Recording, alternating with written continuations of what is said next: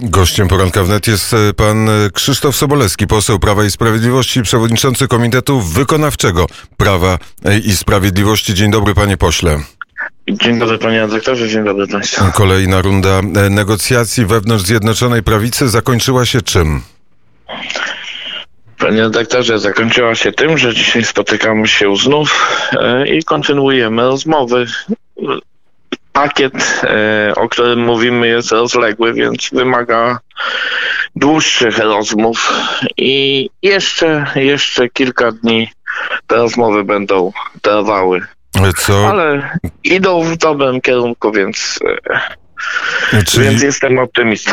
Do tego porozumienia dojdzie, ale jeżeli polityk mówi jestem optymistą, znaczy, że tych kłopotów jest dużo więcej niż przewidywał.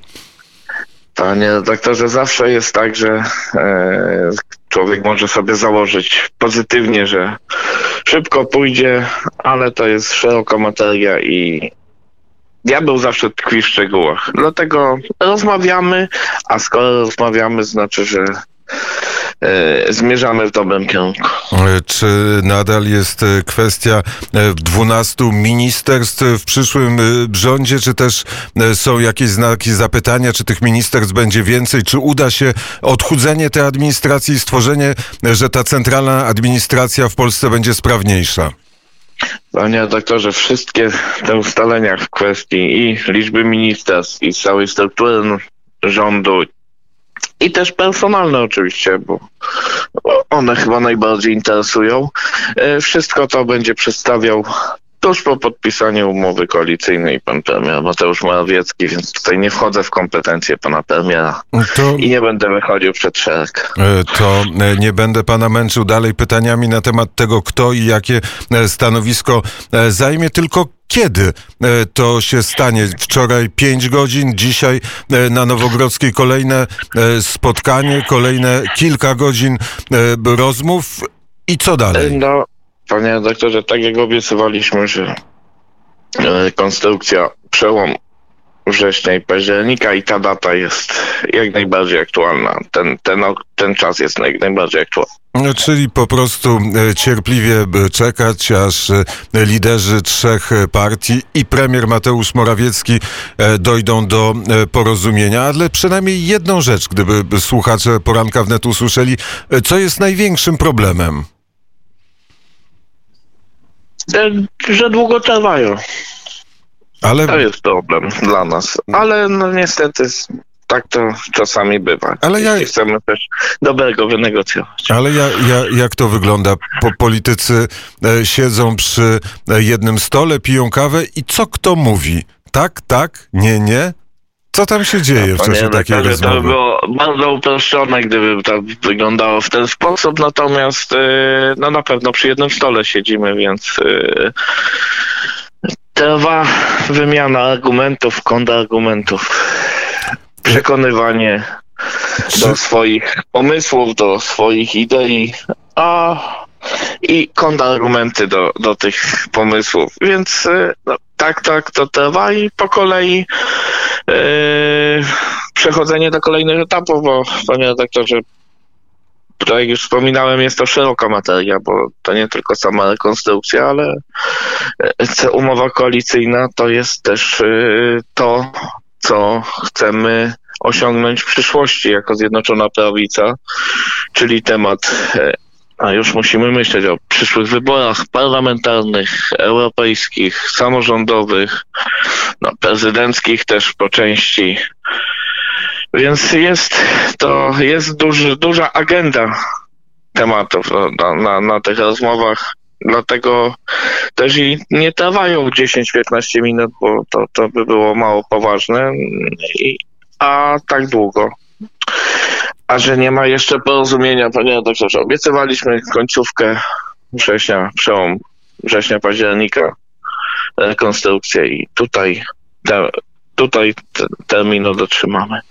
A czy jakiś już punkt został uzgodniony? Czy e, wszystkie punkty leżą e, na stole i co do wszystkich punktów, czyli i rekonstrukcja rządu i te inne porozumienia, o których pan mówi, e, ciągle są negocjowane? Czy coś już jest pewnego? Panie redaktorze, są niektóre etapy zamknięte, teoretycznie zamknięte, ale czasami bywa tak, że na kolejnym etapie rozmów w innym temacie już e, trzeba wracać do, do, do, do tych, które już były teoretycznie zamknięte. Są to powiązane rzeczy, ale to tak jak mówię, panie redaktorze. Rozmowy trwają, a jeśli trwają, znaczy, że zmierzają w dobrym kierunku. A dobrym czy, kierunku. czy w czasie tych rozmów pojawia się śmiech? Czy od czasu do czasu politycy e, negocjujący e, przy ulicy Nowogrodzkiej ktoś powie coś dowcipnego, tak że wszyscy e, wspólnie się śmieją? Panie redaktorze, pojawia się śmiech, e, pojawia się i zdenerwowanie, jak to przy negocjacjach. Czy... Najważniejsze, aby osiągnąć to, co sobie założyliśmy, czyli, czyli podpisanie nowej umowy koalicyjnej, która pozwoliłaby nam wykorzystać najbliższe trzy lata, które dzięki Polakom mamy jako opcja rządząca i daj Boże kolejne lata, jeśli Polacy skwitują nas może chociaż na czwórkę e, w następnych wyborach.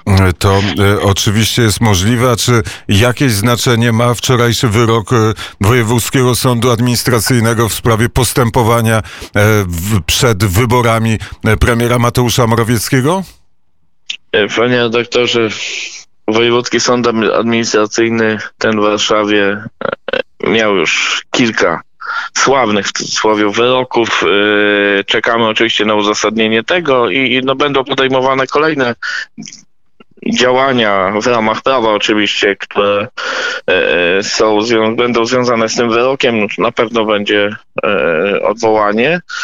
Natomiast przypomnę jedną rzecz bardzo istotną o ważności wyborów prezydenckich decyduje Sąd Najwyższy. Niedawno takie orzeczenie zostało wydane. No niedawno. Zostało wydane takie orzeczenie na początku sierpnia i to jest najważniejsze. Wybory prezydenckie są ważne, tego nikt, e, te, tego nikt nie podważa, ale ten wyrok dotyczył przygotowania do tych wyborów, które miały być w formie korespondencyjnej, czyli zlecenia e, drukowania kart wyborczych, zanim ustawa e, przeszła przez ten cały proces legislacyjny.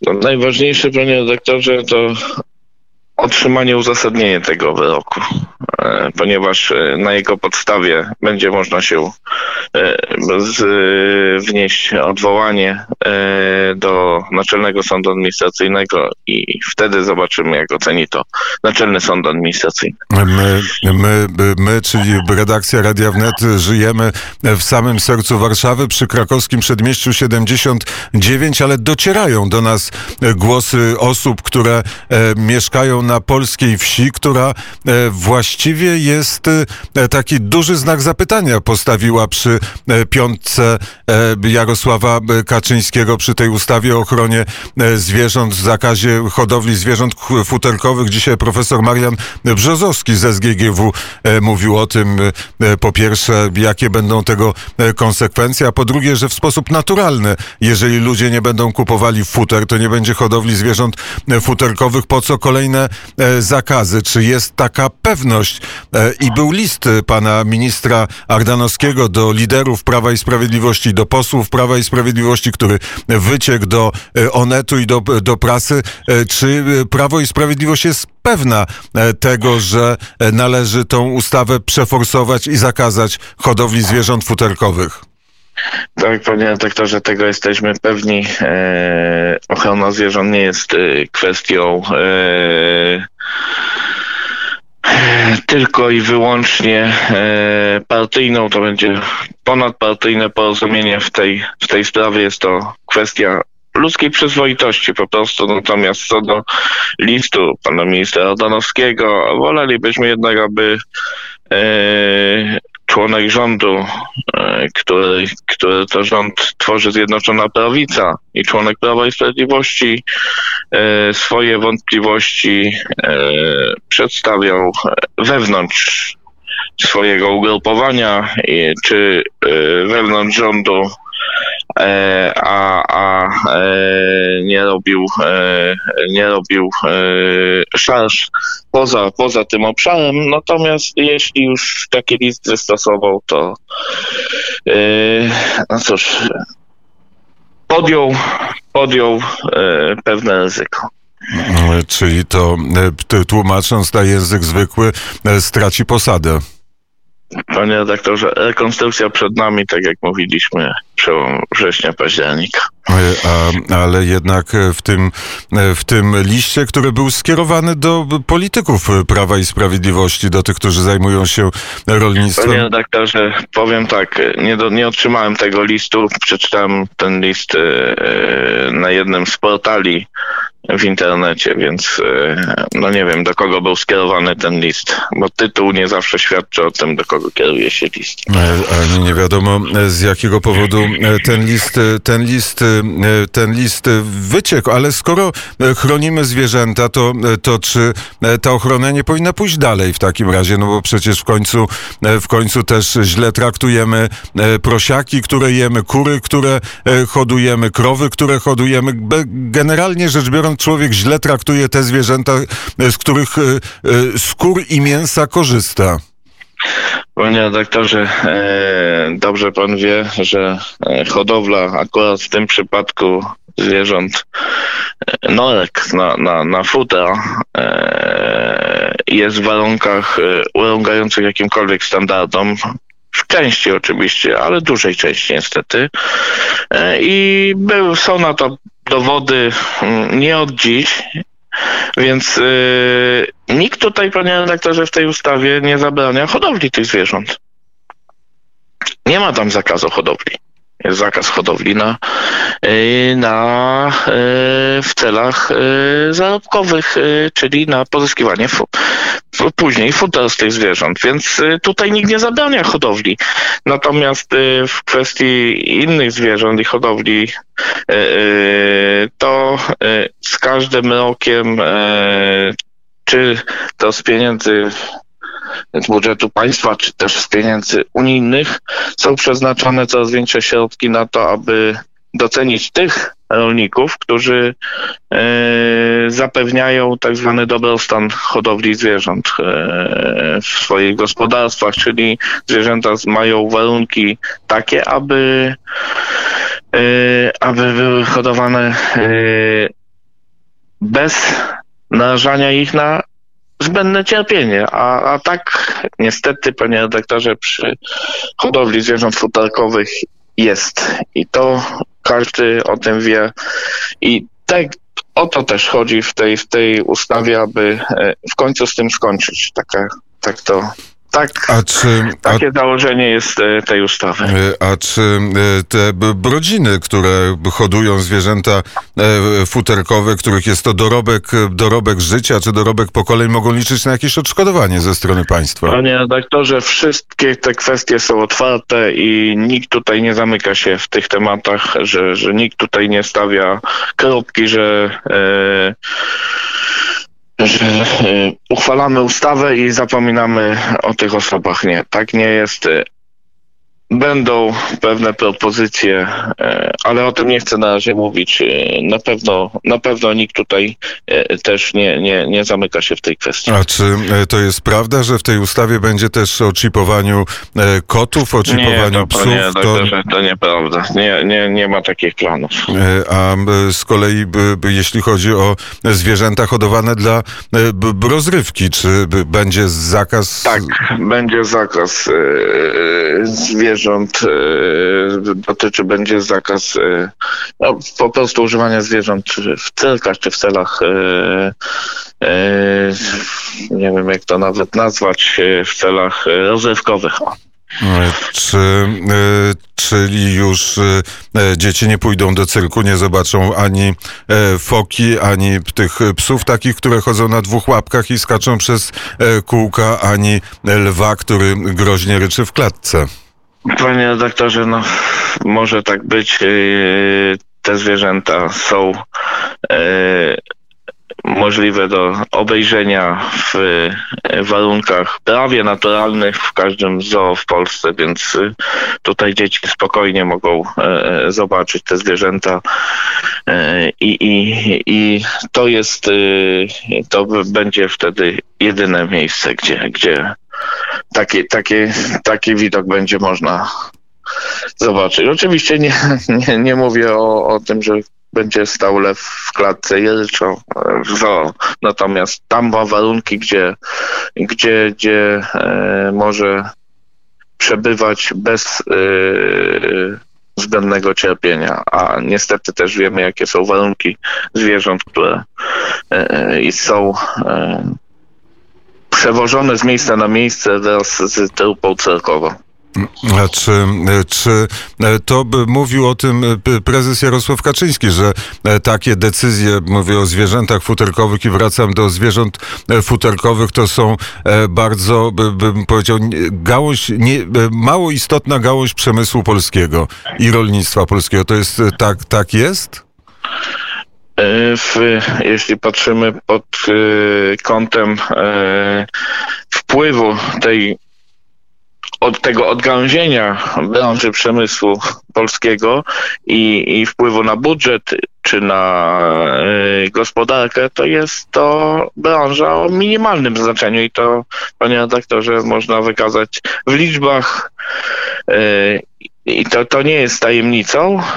Natomiast w tej kwestii, jeśli mówimy o tym projekcie ustawy o ochronie zwierząt, główne względy, jakie przemawiają za, za tym, aby tą ustawę uchwalić i y, liczymy na ponadpartyjne, po, po, ponadpartyjne poparcie dla tej ustawy, to są względy humanitarne.